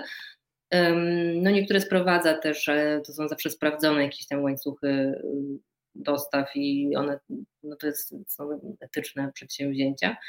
I tam za to, że płaci się jakiś datek oraz pracuje się w sklepie właśnie raz w miesiącu, można to kupować ze zniżką, więc zdecydowałam się na taki krok, ażeby mm, no, w jakiś sposób zmienić trochę swoje życie na lepsze. E, także zapraszam Państwa serdecznie, sklep przy ulicy Niepodległości 88. E, sklep kooperatywy dobrze, zapraszam na zakupy, można tam kupować też jak się nie jest członkiem kooperatywy, wszystko jest pyszne i ekologiczne, a ja zapraszam też na swojego Instagrama, gdzie będę informować na bieżąco, kiedy mam zmianę, można przyjść z książką po autograf albo pogadać, albo po prostu przyjść. To jest coś charakterystycznego dla reporterów, e, którzy wydają w dowodach na istnienie. E, Bartek w taksówce podpisuje książki. Myślę oczywiście o Bartku Gardockim i kursie na ulicę Szczęśliwą. A tutaj do kooperatywy spożywczej możecie zajrzeć też z książką i bardzo mi się podoba e, to łączenie różnych światów, bo Ula nakarmi Państwa i w sensie dosłownym, bo sobie kupicie warzywa i owoce, ale też nakarmi Was bardzo dobrym słowem. Bardzo lubię takie zdanie, które się pojawia w książce i myślę, że ono będzie bliskie wielu osobom, które zdecydowały się na tak zwany freelance, chociaż to ani lance, ani free, o czym też wszyscy doskonale wiedzą, ale jest takie zdanie, które wypowiada jeden z longosów, to za chwilę od razu odwiedzimy wioskę Longomai, czyli Prowansja znowu będzie grana w tej opowieści, który mówi coś takiego. Oczywiście, że człowiek jest zależny, kiedy potrzebuje pieniędzy, ale my chcieliśmy sami wybierać swoją zależność, taką, która nie narusza naszej tożsamości i godności. I myślę, że to też jest wybór wielu osób, które rezygnują z dużych korporacji, robią coś na własną rękę. Oczywiście, że współpracują ze sponsorami, e, Patronite przecież też można traktować jako rodzaj stworzenia swojej wspólnoty, tak. która ma podobną wrażliwość. E, bliskie też ci było to zdanie, takie uwolnienie się ze świadomością, że nie jest możliwa ta pełna niezależność, ale jednak wybór, co jest moje, a czemu mówię dziękuję. Tak, zdecydowanie. I ja z- zrobiłam, jestem w trakcie trochę takich porządków w swoim życiu, ale też myślę sobie, że mm, tak naprawdę duży, dużo większe wrażenie na mnie zrobiło taka trochę mm, przeciwstawienie czasu pieniądzom. To znaczy, że kiedy na przykład ja sobie myślę, może powinnam więcej zarabiać, to lubię sobie pomyśleć wtedy, ale właściwie ten czas, który mogłabym przeznaczyć na zarabianie więcej, ja mogę przeznaczyć na zrobienie czegoś, żeby zdobyć różne rzeczy, których potrzebuję bez pracy, bez pieniędzy. I y, jest to naprawdę bardzo ciekawy sposób myślenia, który pozwoli. To co ci się udało tak zmienić wiele... na konkretach na przykład, że zrezygnowałaś? No, tak w sensie takim, że. Mhm. To znaczy na przykład meble ze śmietnika. Odnawianie... Siedzę na meblu ze śmietnika. Właśnie mam ukochane krzesło, które przytargał y, Tomek akurat i to jest najlepsze właśnie do spotkań To znaczy renowacja mebli ze śmietnika polecam wszystkim. E, w ogóle na przykład e, zamiast kupować nowych przedmiotów, ja też bardzo lubię zapytać na mojej grupie sąsiedzkiej internetowej, czy ktoś ma jeżeli Państwo mają jakieś w ogóle wspólnotowe takie grupy, to bardzo polecam zrobić sobie taki test, wymyślić sobie coś, nie wiem, potrzebuję blachy do lasagne i napisać na tej grupie potrzebuję blachy do lasagne i jestem pewna po prostu, że na pewno ktoś ma zbędną blachę do lasagne, którą można kupić za 10 zł, albo przynieść własnej roboty dżem, albo przynieść książkę, też to robię, e, i po prostu zdobyć przedmiot, który, którego się potrzebuje nie za pieniądze, które trzeba zarobić, tylko po prostu w jakiś sposób się mm, wymienić, jeszcze poznać sąsiada przy okazji. E, także ja lubię właśnie sobie myśleć, takim, nie dopada mnie taki kryzys free, freelancera i sobie myślę, gdzie są moje pieniądze, za co ja mam żyć. Mogę sobie pomyśleć, no czego potrzebujesz? Co ci jest potrzebne i może właśnie da się to jakoś inaczej zdobyć, niekoniecznie zarabiając. Na przykład ubrania e, też w większości e, kupuję albo w lumpeksach, albo mamy z koleżankami wymianki, gdzie po prostu przynosimy swoje niepotrzebne ubrania i się nimi wymieniamy. E, I tworzy to super fajną społeczność kobiet i nie wydajemy tych pieniędzy, nie wspieramy tego fast fashion, E, więc y, ja myślę sobie, że ta książka się też nauczyła mnie stawiać takiego pytania, że po prostu czas to pieniądz, ale czy ja tego pieniądza potrzebuję, czy może ten czas nie jest fajniejszy i ważniejszy? Posiadaczy mebli ze śmietnika jest więcej, jak widzisz. Pozdrawiamy no Moniko. E, pytanie tutaj jest od Gosi, która pyta, ciekawi mnie, czy ci ludzie opuszczają wspólnotę, czy kontaktują się z dawnymi przyjaciółmi, rodziną przede wszystkim, e, albo po prostu na ploteczki do kina. No właśnie, czy to jest taki hermetyczny krąg, że skoro już jestem, to trochę jak w sekcie? Czy łączę sobie światy, czyli trochę jestem we wspólnocie, a potem, nie wiem, na przykład na pół roku wyjeżdżam do swojego rodzinnego miejsca? Ja myślę, że jest wiele modeli. Przede wszystkim problem jest taki, że te miejsca często są niezwykle, e, są niezwykle odizolowane, e, ponieważ te wspólnoty bardzo często powstają w takich miejscach, które zostały już w jakiś sposób zniszczone, które ludzie opuścili, bo na przykład ziemia się wyjałowiła, już nie można jej uprawiać. I oni tam w jakiś sposób regenerują e, te środowiska, no ale one jednak są dość odizolowane, więc to trochę nie jest taki model, że można wyjść z rodziną do, czy ze znajomymi do kina, bo to kino jest po prostu 200 y, kilometrów dalej, tak? E, natomiast są różne modele, y, rodziny mogą ich odwiedzać, bardzo często jakby przyjeżdżają z wizytą, albo też wiele osób wyjeżdża na pół roku, na rok, y, czasem na krócej. Nie, nie jest to takie całkowite zamknięcie. Chociaż oczywiście ja opisuję też projekty, w których tak nie było, tak? w których to, ta izolacja była, myślę, że w latach 60., 70., 80. więcej było takich e, wspólnot, które, których ludzie nie opuszczali, czy ze strachu, czy z jakiegoś takiego pomysłu, że nie mogą się kontaktować, bo tam ktoś ich przekabaci z powrotem tego złego systemu. Teraz mam wrażenie, że jednak jest to już no, z wielu powodów tak już nie jest, że jednak te wspólnoty starają się być otwarte przynajmniej podejmują jakieś próby, czy na właśnie rodzinę, czy na sąsiadów, czy na okolicznych mieszkańców. Pojawia się kolejne pytanie. Pani Agnieszka pyta, jaka jest sytuacja dzieci dorosłych niepełnosprawnych wymagających stałej opieki i lekarza? Szczerze mówiąc, to jest bardzo ciekawe pytanie. Nie spotkałam się z takim przypadkiem, żeby tam była y, osoba wymagająca stałej opieki lekarza.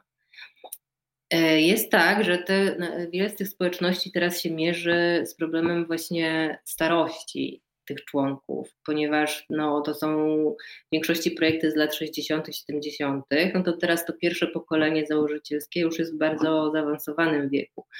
No i tam się pojawia pytanie, w jaki sposób mamy to zorganizować, że właśnie jest potrzebna opieka e, całodobowa, często dość specjalistyczna, no te osoby już nie mogą pracować, na przykład nie mogą wnosić bezpośrednio jakiejś takiej wartości. E, I w wielu wspólnotach, które odwiedziłam, trwały rozmowy na ten temat, tak? E, że jak, jak my to mamy zorganizować, żeby zapewnić tym bardzo już słabym, starzejącym się ludziom tą opiekę. No ale też jednak zwróćmy uwagę, że w takiej wspólnocie no, jakby można to łatwiej zorganizować. Niekoniecznie trzeba zatrudniać pielęgniarkę, bo można się na przykład zmieniać w tej opiece, chyba że jest jakaś bardzo specjalistyczna, tak?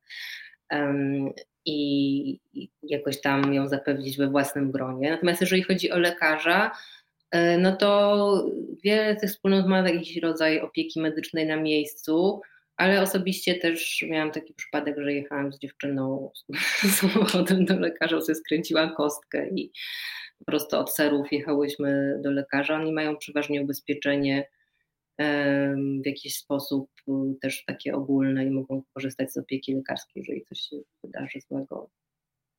Kolejne pytanie od Piotra. E, wśród wspólnot, jakie Pani poznała, czym wyróżniały się te, w których ludzie byli najbardziej zadowoleni i patrząc z zewnątrz, rodziły perspektywy na przyszłość? Mam tezę, że były w nich pojedyncze, wybitne jednostki o dużej empatii i samokontroli, cieszące się powszechnym zaufaniem, będące w stanie łagodzić spory. No to teraz y, potwierdzaj tezę albo jej zaprzeczaj. Bardzo ciekawe pytanie. E, tak, zdecydowanie jest coś takiego, że tacy liderzy, że natychmiast się pojawiają się w każdej wspólnocie liderzy, którzy właśnie e, osoby niezwykle mądre, które potrafią mm, wiele załagodzić, mają autorytet.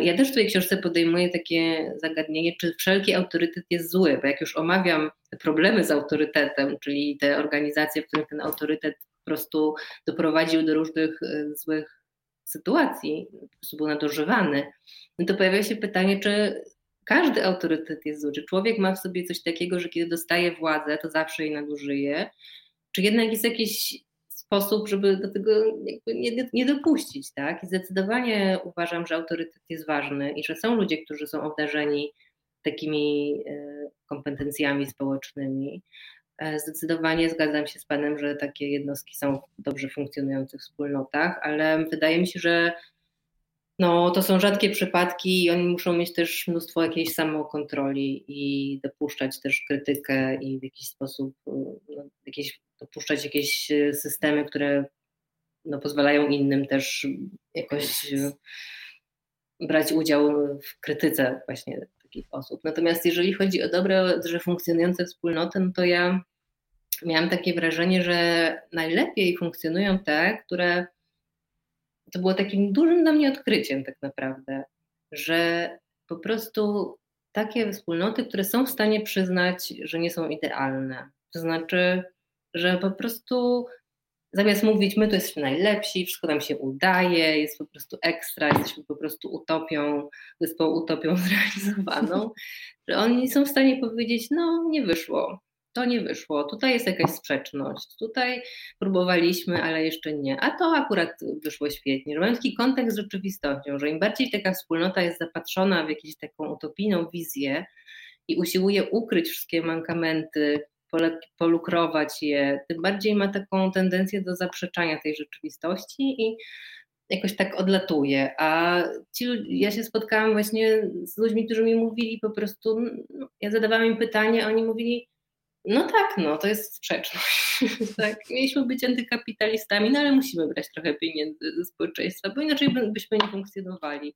To jest sprzeczność, no ale to jest najlepsze, co na, nam się sprawdziło i staramy się ale jest tak na razie. I, i to robiło na mnie jakieś takie wrażenie. Myślałam sobie, wow, znaczy oni są w kontakcie po prostu z tym, co się udało, co się nie udało, dlaczego się udało, dlaczego się nie udało. I no, to dla mnie była taka, myślę, bardzo ważna lekcja. Dla mnie taka ważna lekcja też, która wypływa z Twojej książki, to jest to, jak ważne jest dzielenie się wiedzą. E, żyjemy w zdecydowanej większości w takim kulcie indywidualizmu, a tam patrzymy na ludzi, którzy są specjalistami w swojej dziedzinie, bo mamy na przykład, nie wiem, pole solarne w Alentejo w Portugalii, ale mamy też specjalistów od permakultury. Mamy ludzi, którzy mają ideę mm, takich obozów, blueprint, powiedzmy o co chodzi, to, to akurat Tamery y, inicjatywa, ale bardzo mi się podoba to, żeby nie zawłaszczać tylko dla siebie, że mamy tutaj coś wyjątkowego, mm. schowamy i będziemy mieć i się będziemy tym cieszyć, tylko żeby w ludziach przede wszystkim zakorzenić nie tylko daną wiedzę, ale potrzeby ciągłej nauki i przekazywania tego dalej. Powiedz, gdzie się spotkałaś właśnie z takim podejściem do sprawy. No właśnie to jest taka lekcja, którą ja myślę, że te wspólnoty w ogóle wyciągnęły z, z tych lat 70. czy 80., kiedy mm, powstawały te wspólnoty, które myślały, my tutaj mamy taki najlepszy na świecie model, teraz dołączajcie się do nas i będziemy zmieniać świat.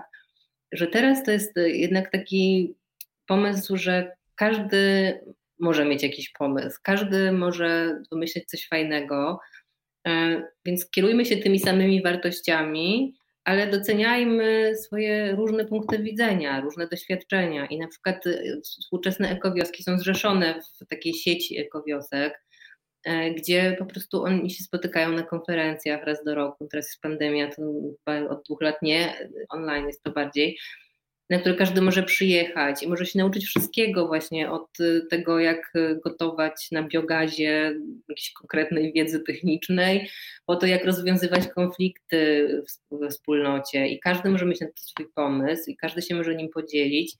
No i tak samo te kursy, tak? Te kursy się od siebie różnią, bo każda społeczność uczy tego, co sama wypracowała i, i nie mówi dołączcie do nas, bo my tu wiemy, tylko mówi weźcie tę wiedzę, zobaczcie, czy wam odpowiada i spróbujcie zrobić coś sami. I myślę sobie, że to jest taka bardzo ważna różnica, która trochę mnie napawa taką nadzieją, że różne takie sekciarskie pomysły może już się trochę po prostu zdyskredytowały i teraz będziemy to zmierzać może w taką bardziej otwartą stronę, chociaż oczywiście nigdy nie wiadomo. Kolejne pytanie od Agnieszki. Jak wyglądają sprawy wiary w takich wspólnotach? Czy są jednowyznaniowe, czy wielowyznaniowe? Jeśli tak, to czy nie rodzą się z tego problemy? Czy może ludzie wierzący trzymają się od takich wspólnot z daleka? Może religia zabrania im angażowania się w nie? Mhm. E, to znaczy tak, ponieważ te wspólnoty przedefiniowują wszystko, to znaczy każdy może sobie wymyśleć wszystko od początku. Jest bardzo różnie. Niektóre są kompletnie świeckie i całkowicie ignorują w ogóle funkcjonowanie tego, że człowiek jest istotą duchową, albo chciałby być istotą duchową, albo że w ogóle ta sfera jest jakoś ważna. Takie też są. Są takie, które wszystko organizują wokół religii, że jakby jest pomysł, że rozwój duchowy człowieka jest najważniejszy, że bez tej duchowości w ogóle się nie uda żadnej innej zmiany wprowadzić i no i ta duchowość jest rozumiana niezwykle różnie, ponieważ bardzo długo w historii w ogóle tych wspólnot, które powstawały od początku ludzkości, też chciałam może to zaznaczyć, bo to jeszcze nie padło, że to nie jest wymysł lat 60., 70., takie wspólnoty towarzyszyły ludzkości od dawna i one przez bardzo długi czas historii były głównie religijne, głównie jakby wokół religii chrześcijańskiej się koncentrowały, były tu różne, różnego rodzaju właśnie takie sekty religijne. E, więc one długo w ogóle nie wychodziły poza obręb tej wiary, no bo w ogóle światopogląd człowieka się koncentrował wokół wiary. W momencie, kiedy się sytuacja zrobiła bardziej świecka, no to to się zmieniło. Więc są takie, które dopuszczają, żeby każdy miał swoją wiarę. Na przykład w Tamerze jest tak, że e, tam jest jakaś duchowość, tam są, jest taki teren z kamieniami takimi specjalnie tam ustawionymi, które reprezentują różne mm, jakby elementy społeczeństwa i tam to jest jakieś takie miejsce duchowe, ale nie ma żadnych obrzędów konkretnych. Po prostu każdy może sobie tam przyjść, oprzeć się o taki kamień, czy pomedytować, czy pomyśleć. E, więc jakaś tam duchowość funkcjonuje, ale ona nie jest w jakiś sposób zorganizowana. E, więc to naprawdę jest bardzo, bardzo różnie. Myślę, że każdy znajdzie coś dla siebie w, takich, w tych, wśród tych wspólnot. Natomiast jeżeli chodzi o osoby wierzące w taką jakby konkretną wiarę, czyli e, czy buddystów, czy właśnie chrześcijan w jakiś sposób, no to mm, myślę, że też są jakieś organizacje, które są w pewien sposób e, odzwierciedleniem tego. Ja na przykład wiem, że w Polsce mm, w ogóle był projekt jakiś zbudowania takich chrześcijańskich ekowiosek, połączenia tego, tej idei ekologii jednak z religią chrześcijańską, która u nas przecież wciąż się trzyma mocno. Także to są naprawdę bardzo, bardzo różne projekty. Pani Beata przed chwilą napisała, Osho również miał ciekawe spojrzenie na wartości, ciekawa lektura, ale skoro jesteśmy przy Osho, no to ja muszę przyznać, że Twoja lektura, Twoja książka, Ula, otworzyła mi też oczy no, że Bhagwan, który potem staje się Osho, no ma bardzo wiele za uszami. Zresztą to z jego ust padły słowa, to nie będzie demokracja, nikt nie będzie głosował. Wchodzicie w to z wiedzą, że cokolwiek zadecyduje jest absolutne. Natomiast y, czymś, co y, naprawdę powoduje, że jestem przerażona, jest y, opis filmu Ashram in Pune Wolfganga Dobrowolnego, który pokazywał, to był zresztą człowiek, który, jak rozumiem, wyszedł z tej wspólnoty, pokazywał, do czego w Punie dochodziło. No to do czego dochodziło? Mm. No to tak, ponieważ jakby Bagwan na początku cała jego idea koncentrowała się wokół tego, żeby odejść od takiej tradycyjnej, tradycyjnej religii, i stworzyć coś, co on nazywał niereligijną religią, czyli coś, co jest takim pier, pierwowzorem współczesnej takiej duchowości świeckiej, że tak się wyraża, czyli religi- duchowości bez religii. No i on zaczął jakby ten ruch wokół tego, wokół tej idei i stosował różne techniki. Główną jego techniką taką sztandarową jest medytacja dynamiczna, która polega na tym, że zanim się usiądzie w tej medytacji bez ruchu, musi nastąpić faza, kiedy się podskakuje, tańczy, robi różne takie rzeczy z ciałem, ponieważ on twierdzi, że ludzie zachodu nie mogą się usiąść po prostu w medytacji, bo mają za dużo chaosu w głowie. I ja próbowałam takiej medytacji i muszę przyznać, że jest ona naprawdę bardzo, e, bardzo skuteczna.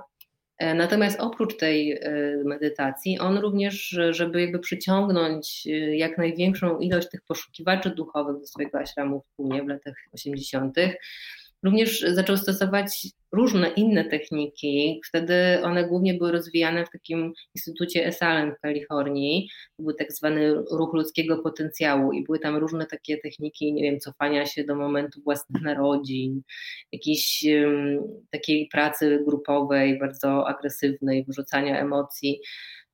I on zapra zapraszał terapeutów z te, właśnie z, te, z, tego instytutu i mówił im, że mogą tutaj eksperymentować i robić jakby e, co, co im się podoba, w związku z czym wiele z tych sesji zamieniało się w jakieś takie bardzo agresywne, e, agresywne jakby spektakle, z których, w których ludzie nie wiem, łamali rękę czy coś takiego.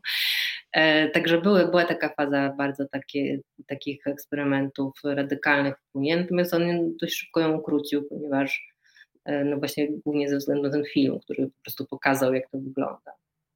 Ty wspominasz o tym, że w ogóle założyciel instytutu, o którym wspominałaś, Richard Price, wyjechał w ogóle z Puny wstrząśnięty i powiedział wtedy jasno, że e, patrzył na sytuację, w której terapeuci wymuszają posłuszeństwo, a nie mobilizują uczestników do, do takiego własnego rozwoju, co było też bardzo mocne. Kolejne pytanie od Państwa. Ja tutaj wszystko kontroluję, więc o, bardzo się cieszę, że jest i takie pytanie. Czy we wspólnotach Ula mile widziane są zwierzęta? Boże, to jest mój ukochany temat. To jest mój ukochany temat. Dziękujemy bardzo za, dziękuję za to pytanie. E, w tych wspólnotach nie dość, że mile widziane są zwierzęta, ja bym powiedziała, że to jest e, dużo więcej. Tam e, bardzo często pracuje się nad tym, żeby te zwierzęta i w ogóle rośliny i cały świat naturalny zyskał jakby należne swoje sobie miejsce w ogóle w głowie człowieka, tak? Czyli żeby człowiek nie traktował siebie jako zdobywcę świata naturalnego, jako władcę zwierząt i roślin, tylko żeby po prostu traktował się jako część takiego ekosystemu, gdzie wszyscy jesteśmy razem, wszyscy jesteśmy ze sobą powiązani, e, wszyscy możemy sobie coś dać, ale nie przemocą, tylko właśnie jakąś współpracą. No ja opisuję w tamerze właśnie na przykład, gdzie, um, doświadczałam różnych takich sytuacji, kiedy na przykład jedna kobieta opowiadała, że e, szczury się pojawiły w kuchni u nich i że oni się zastanawiali, jakby co, co oni mogą zrobić, żeby też tym szczurom było dobrze, jak zorganizować to współistnienie z innym gatunkiem, żeby sobie nie przeszkadzać, tak? Czyli może nam się to wydawać dzisiaj trochę e, zabawne, ale jakby myśl za tym stojąca jest tak naprawdę piękne. Dlaczego my mamy te zwierzęta zabijać? Dlaczego mamy je zaprzęgać do po prostu jakiś, jakiś straszny system, który ma służyć tylko naszemu jakiemuś dobrostanowi? Czy nie lepiej jest jednak y, zorganizować tak świat, żebyśmy wszyscy razem funkcjonowali na równych zasadach, tak? I dlatego w takich wspólnotach często właśnie zwierzęta są bardzo, bardzo w ogóle ważnymi no, nie powiem gośćmi, mieszkańcami po prostu, tak, którymi, z którymi oni współdzielą ten, ten teren i, i współdzielą życie. Skoro mówiłaś o zwierzaczkach, to podzielę się dzisiejszym odkryciem. Rozmawiałam ostatnio z przyjaciółką, ponieważ znalazłam sprzątając jakieś stare wełniane rzeczy, robaczka, którego pierwszy raz w życiu widziałam, bo na końcu miał taki ogonek jak taką miotełkę.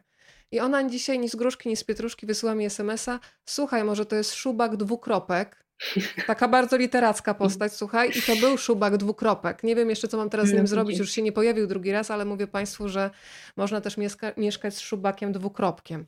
E, no ja to, to samo teraz... mówię mojemu mężowi, kiedy narzeka, że są mole znowu w, e, w jedzeniu. Mówię, co ci te mole przeszkadzają? Żyjmy z nimi. Współistniejmy pokojowo, Współistniejmy prawda? pokojowo, Kolejne pytanie się pojawiło. O, bardzo ciekawe od pani Moniki. Czy była taka wspólnota Ula, w której miałaś ochotę zostać? Eee, nie. Pierwsze, co mi przychodzi do głowy, to nie, dlatego że e, ja jestem e, jako osoba pisząca chyba niezwykle introwertyczna i potrzebuję bardzo, bardzo dużo przestrzeni własnej. W tych wspólnotach jest jej niewiele, ponieważ tam ci ludzie są bardzo blisko ze sobą i e, po prostu dzieląc razem niewielką przestrzeń, i jakby oni po prostu chcą być blisko, czyli jeżeli na przykład masz, chcesz sobie posiedzieć, spędzić czas sama, natomiast ktoś przyjdzie i się spyta, co się stało i czy może ci pomóc. I um, ja rozumiem, że ci ludzie jakby chcą być w takich warunkach, bo jakby to doceniają i rozumiem, dlaczego mogą, natomiast ja znajdowałam to trudnym. Dla mnie było to za, za blisko, za dużo, e, więc nie miałam takich pomysłów. Natomiast zdecydowanie, jeżeli chodzi o jakąś taką e, ciepłą myśl, no to ta kooperatywa Longomate w, w Prowansji wzbudziła ją we mnie właśnie um, głównie przez tą taką pracę na rzecz innych, która tak naprawdę dała mi mnóstwo satysfakcji wbrew pozorom, bo jakoś tego nie spodziewałam. Ale to, że właśnie oni wszyscy razem pracują, wszyscy robią wszystko sami i naprawdę, czy ktoś tam mieszka 50 lat w tydzień, tak samo gotuje dla 100 osób, I poza tym sprawia to jakąś taką dużą satysfakcję, że na przykład cały dzień pieczesz chleb, a potem wieczorem widzisz, jak wszyscy ten chleb jedzą i, i się nim cieszą. No to jest jakaś taka, e, taki rodzaj satysfakcji, której ja w swojej pracy nie mam. Piszę książkę trzy lata i potem dopiero jest jakiś efekt, tak? A tam miałam ten takie poczucie, że daję coś wspólnocie i że to jest fajne. I tam miałam wiele takich momentów, że było mi dobrze ale też jednak wiele momentów, kiedy sobie myślałam, czy ja już mogę stąd wyjechać, proszę. Kiedy ta myśl była najbardziej intensywna? Czy ja już mogę wyjechać? W jakich sytuacjach? No właśnie w takich sytuacjach po prostu, y, że idziesz do łazienki, spotykasz tam osoby, idziesz do kuchni, spotykasz kolejne osoby. Wszystkie te osoby chcą wiedzieć, kim jesteś, co robisz, jak się czujesz, y, no albo w ogóle nawet jeżeli nie chcą, to głupio jest z kimś stać po prostu i jeść kanapkę i nic nie powiedzieć. Więc jakby po prostu ciągła ta konieczność takich interakcji e, była dla mnie bardzo przytłaczająca. Ja dobrze pamiętam, że to właśnie u longosów jednocześnie też nie ma obowiązku, że ktoś musi gotować, tylko zasady tak. są proste, nikt nie ugotuje, to nie ma kolacji. To też mi się podoba. Tak, dokładnie. Wtedy wracasz wkurzona po całym dniu pracy i myślisz sobie, no jak to, nikt nie ma kolacji, a druga myśl jest taka, no ale to kto miał ją zrobić? Przecież ty też mogłeś ją zrobić, tak? Wiesz to teraz sobie zdałam sprawę z tego, że patrzymy na te społeczności. Yy, ja też mówię, teraz mówię za siebie, żeby Państwo tego nie brali do siebie, ale jednak w sposób taki oceniający. Yy, ale uzmysławiasz mi znowu w, na kolejnej stronie, że przecież jest mnóstwo takich instytucji, w których obowiązuje bardzo wysoki poziom kontroli i na to jest pełna zgoda. Myśl, mhm. wymieniasz wojsko, klasztory, szpitale, więzienia. Ale teraz pomyślałam, w zasadzie większość korporacji, gdzie też mhm. y, czasami są sytuacje, gdzie mamy zespół i też pojawiają się samozwańczy liderzy, którzy nie znoszą sprzeciwu. I jak niewiele jest jednostek, które w sytuacji, która jest opresyjna i jasna dla wszystkich, są w stanie podnieść rękę i nawet ryzykując właśnie, nie wiem, zwolnienie z pracy, cokolwiek, mhm. spróbować coś zmienić. I teraz widzę, że jakbyśmy mieli dwa sposoby patrzenia. Są rzeczy, na które od razu reagujemy, że to jest złe, dlaczego ci ludzie nie reagowali, a jednocześnie często przez lata z bólem brzucha ludzie chodzą do tak. pracy, której nie znoszą, bojąc się na przykład swojego szefa czy szefowej. Z czego to wynika? Mm, tak, no to jest y, właśnie olbrzymie pytanie, które także mi towarzyszyło y, jakby w trakcie pisania tej książki. Dlaczego, jak łatwo nam jest popaść w jakąś taką po prostu y, zgodę na różne rzeczy, których, na które się nie zgadzaliśmy pierwotnie, tak? Znaczy, w skrócie jakoś te, to pytanie mi się mm, tak e, skondensowało do takiego pytania, na ile człowiek jest wolny, a na ile człowiek jakby jest mm, pod kontrolą innych, pod wpływem innych, na ile ma na, na niego wpływ po prostu e, inni, czyli na ile podejmujesz swoje decyzje, a na ile tak naprawdę podejmujesz je pod wpływem kogoś, tak? I no tak jak mówisz, że zdecydowanie łatwiej jest nam zobaczyć to u kogoś, to znaczy zastanawiasz się, dlaczego ona te tkwi w tym związku, przecież od razu widać, że ten facet jest dla niej niedobry, albo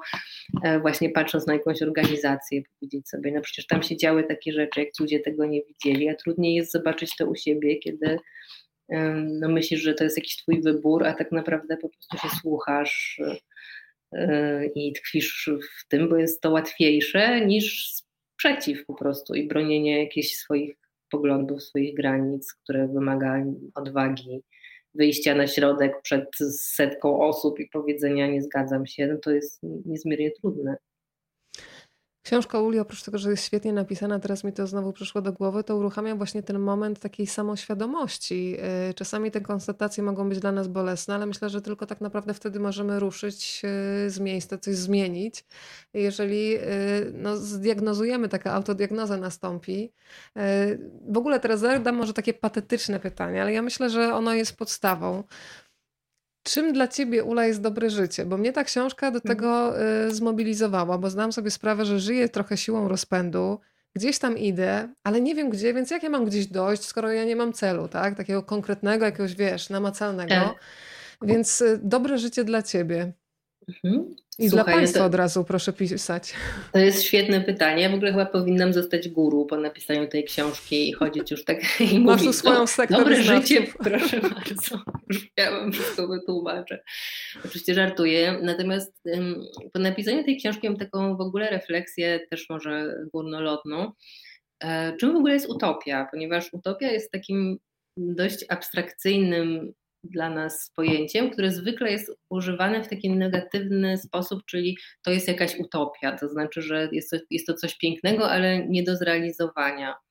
Więc ja po napisaniu tej książki mam takie wrażenie, że utopia jest czymś nie do zrealizowania, ale że każdy powinien wiedzieć, jaką ma. To znaczy, każdy powinien zastanowić się nad tym, jak, jak wygląda jego idealny świat, taki utopijny.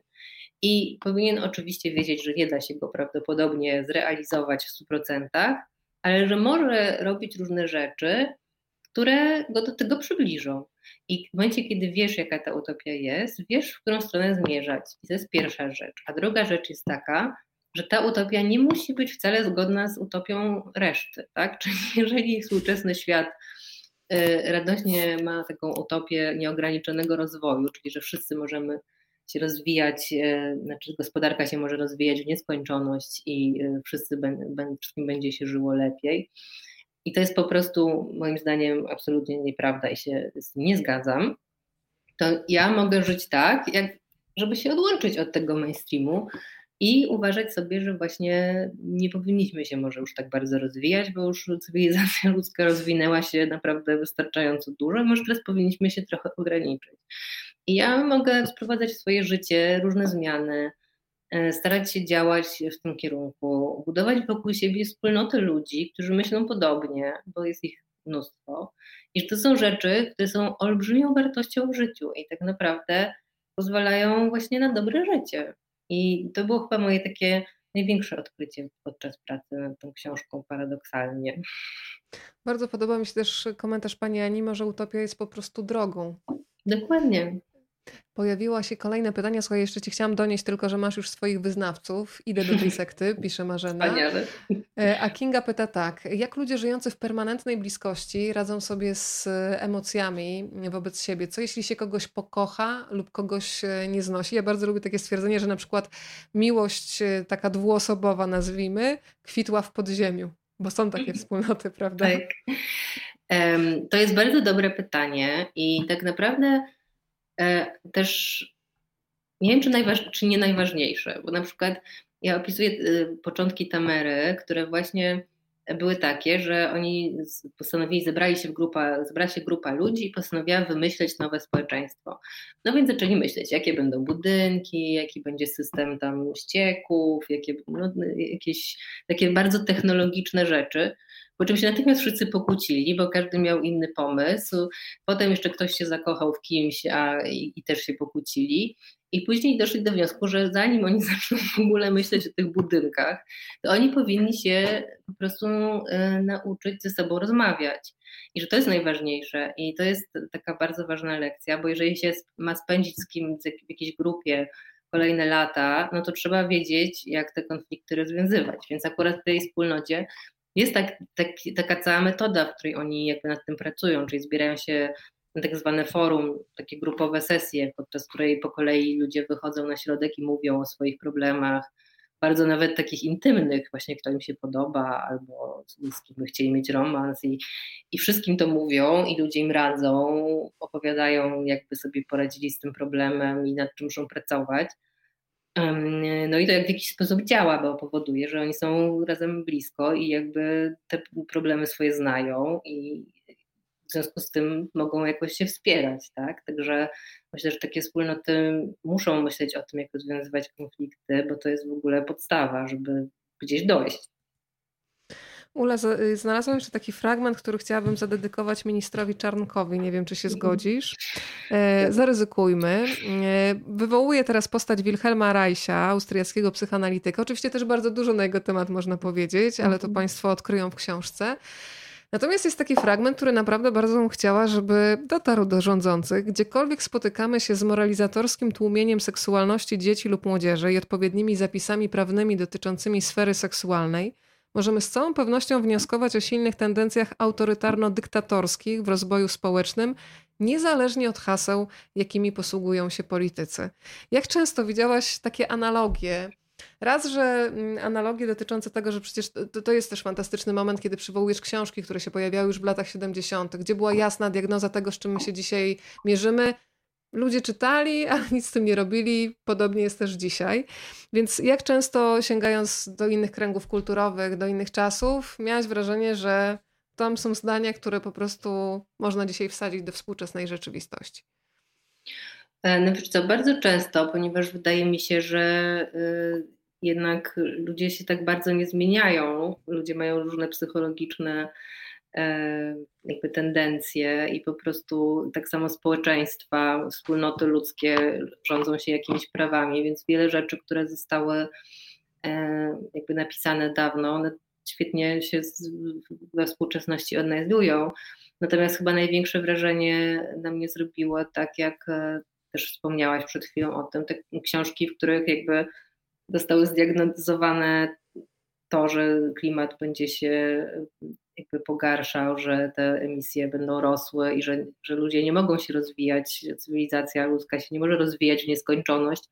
To, są, to jest wiedza, twarda wiedza naukowa, która po prostu jest od lat 70. Y, całkowicie znana i dostępna w pracach naukowych i nie jest to jakieś, jakaś, nie powinna być to dla nas wielkie zaskoczenie, ale jednak nic się nie wydarzyło w tej sprawie. Więc y, to był chyba dla mnie taki właśnie największy, y, największy szok. To jeszcze zapytam Cię o taki rozdział w Twojej książce, który jest skonstruowany na zasadzie takich mów e, sądowych. Bo on też mhm. otwiera bardzo ciekawy wątek bo okazuje ci się, znaczy wydaje ci się podczas lektury, że już, już, już masz prawie wyrobione zdanie i nagle czytasz kolejną odsłonę przemowy i myślisz, no kurczę, ten argument też do mnie przemawia i co mam teraz z tym zrobić? Więc e, chwała Ci za uruchamianie myślenia, bo ja myślę, że y, taka rzecz dla mnie najważniejsza, mm, która płynie z Twojej książki, to jest pokazanie, co się może zdarzyć i co w zasadzie już się dzieje w momencie, kiedy my przestajemy zadawać trudne pytania i sobie, i innym, bo, bo tutaj to jest równie istotne. To powiedzmy o tych mowach sądowych. Skąd taka formuła i przy, jako ilustracja jakiego zagadnienia ci posłużyła? Mhm. No to jest właśnie takie jedno z pytań, z którym musiałam się zmierzyć pisząc tę książkę, a mianowicie, czy to jest sekta? Ponieważ, żeby zadać pytanie, czy to jest sekta, odnośnie do jakiejś społeczności, ja muszę wiedzieć, co to jest ta sekta. No więc y, ruszyłam po prostu na pomoc do socjologii, do socjologów różnych teorii, y, którzy mają różne teorie i koncepcje tego, co to jest, ponieważ liczyłam na to, że znajdę jakąś prostą definicję, po prostu w czterech zdaniach, sekta to jest to i to i będę mogła jeździć do tych wspólnot i sprawdzać, czy to jest sekta. po prostu sprawdzając, czy one wypełniają tę definicję. No ale kiedy zagłębiłam się e, jakby różne teorie na ten temat, które po prostu tak naprawdę w latach 80. w Stanach toczyła się gigantyczna po prostu dyskusja e, na temat tego, co to jest sekta, czy coś takiego w ogóle jest, e, czy w ogóle możemy używać takiego słowa, czym się różni sekta od nowego ruchu religijnego. Było po prostu dziesiątki socjologów, psychologów było zaangażowanych w tę rozmowę. Niektóre, niektórzy byli sponsorowani przez rozmaite religijne organizacje. E, także było mnóstwo na ten temat e, teorii. Kiedy się w to zagłębiłam, no to po prostu naprawdę był to trudny moment i zdecydowałam się właśnie trochę użyć takiej metafory sądowej, e, no bo tak naprawdę jest to niezmiernie trudne żeby coś takiego zdefiniować, jakby oskarżyć de facto jakąś wspólnotę o bycie sektą. E, jest to niezmiernie skomplikowany proces, który też właśnie jakby w, w swoim jakby jądrze ma trochę to, czy my jesteśmy, w jaki sposób wpływają na nas inni ludzie, że to są jakby takie pytania, które możemy zadać sobie również w różnych sytuacjach społecznych, że to nie jest tak, że to są, że sekty to są jakieś po prostu dziwne twory, które wciągają ludzi słabych i tak dalej. Są jakby wspólnoty, które kierują się tymi samymi mechanizmami, które działają w normalnym społeczeństwie. Także właściwie równie dobrze na ławie oskarżonych możemy postawić siebie i swoje różne życiowe doświadczenia, manipulacji i jakiejś nacisku grupy. Tam jest też bardzo ciekawy wątek deprogramerów, prawda? Ale wszystkiego Państwu nie zdradzę. E, twoja sekta wyznawców się powiększa. E, książka ma już dom w Lizbonie w, forma, e, w formie e-booka. Moniko, pozdrawiamy. pozdrawiamy. Drodzy Państwo, ostatnie pytanie już za chwilę ode mnie, mm, ale jeżeli ktoś ma jeszcze ochotę, to to jest ten moment, żeby uruchomić ciekawość, przelać ją na klawiaturę i zaraz pytanie dotrze do Uli. Ja bym jeszcze chciała, żebyśmy przynajmniej dwa słowa powiedziały o panu, który się nazywa Rose Jackson. E, bo to jest kolejny przykład, który pokazuje, że mm, można mieć pozycję, można już sporo osiągnąć w swoim zawodzie, w biznesie. E, I właśnie wybór. Albo odcinam kupony i zajmuję się tym, że na moim koncie jest coraz więcej, albo zaczynam myśleć, że chce coś zostawić po sobie. Zresztą tam jest takie fajne stwierdzenie jednego z Twoich rozmówców, który mówi, że można oczywiście się skupić na tym, żeby żyć antysystemowo, żeby uciekać od systemu, ale dużo ciekawsze jest myślenie, co można zostawić po sobie, co można dla innych zrobić. No to co Pan Ross proponuje? No, Ross Jackson jest jednym z założycieli e, właśnie tej globalnej sieci ekowiosek.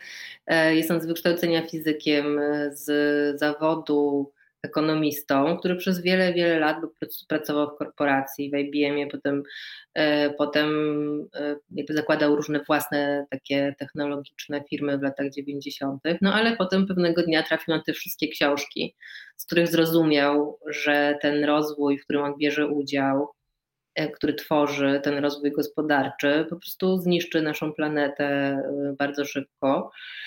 Gdzieś tam to się połączyło z właśnie jakimś jego duchowym doświadczeniem w Indiach i on postanowił ten swój majątek e, niemały, zgromadzony i jak również swoje kontakty, swoje różne umiejętności z zakresu ekonomii po prostu skierować w inną stronę.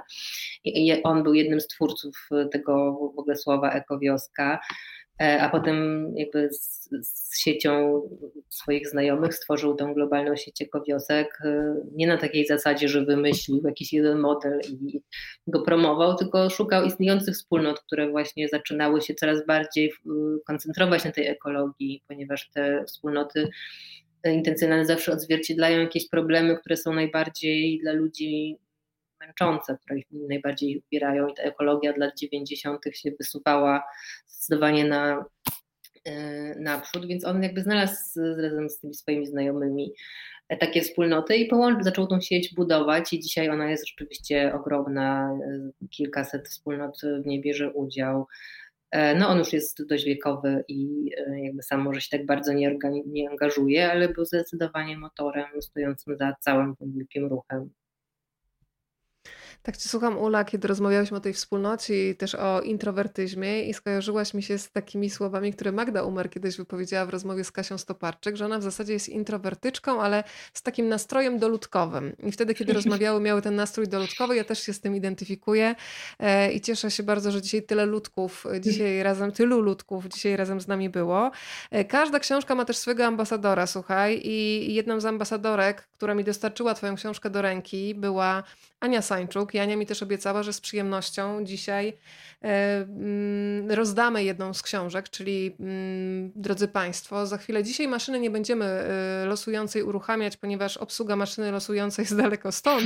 Natomiast e, będzie konkurs mailowy i Ula, poproszę Cię o jakiś Twój ulubiony numer od jednego do dziesięciu. Trzy. I drodzy Państwo, czas start. I trzecia osoba, która właśnie wpadnie do mojej skrzynki w takiej, a nie innej kolejności, rozmawiam, bo lubię małpa gmail.com, e, zostanie nagrodzona. Mm, Ula, to miałam już kończyć, ale ostatnio już obiecuję pytanie, ponieważ na Twoim fan e, Facebooku dzisiaj wyczytałam e, coś, co powtarza bardzo wiele osób piszących po skończeniu książki: nigdy więcej, nigdy więcej do czasu, prawda? Mhm. No i już wiemy, że jakiś temat jest w Twojej głowie. Ja sprawdziłam naszą ostatnią mm, rozmowę trzy lata temu i wtedy mówiłaś, że się właśnie zajmujesz tym tematem, chociaż faktycznie on się trochę chyba zmieniał. Wtedy dużo mi nie chciałaś zdradzić. Mhm. Podejmę to wyzwanie. Czy dzisiaj powiesz trochę więcej? Co się rozwija w głowie i kiedy ma szansę się zmaterializować? No, kiedy ma szansę się zmaterializować, to nigdy nie wiadomo. Natomiast zdecydowanie mogę powiedzieć dzisiaj tyle, że będę dalej zajmować się tematem zmian klimatycznych. Um, ale chyba jeszcze nie mogę zdradzić od jakiej strony, ponieważ bardzo się boję, że to się nie uda i nie chcę zapeszyć. W każdym razie, jeżeli Państwo są zainteresowani różnymi e, rozważaniami e, odnośnie życia w dzisiejszym świecie, w którym te zmiany coraz większym są zagrożeniem i problemem.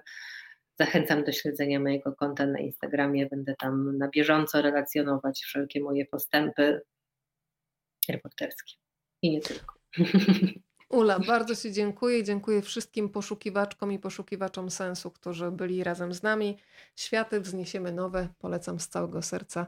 Do zobaczenia. Dziękuję raz jeszcze. Dziękuję, dziękuję za wszystkie mądre pytania od Ciebie i od Państwa również. Pozdrawiam. Do dobrej nocy i dobrych wakacji, moja droga. Dziękuję. Należą się.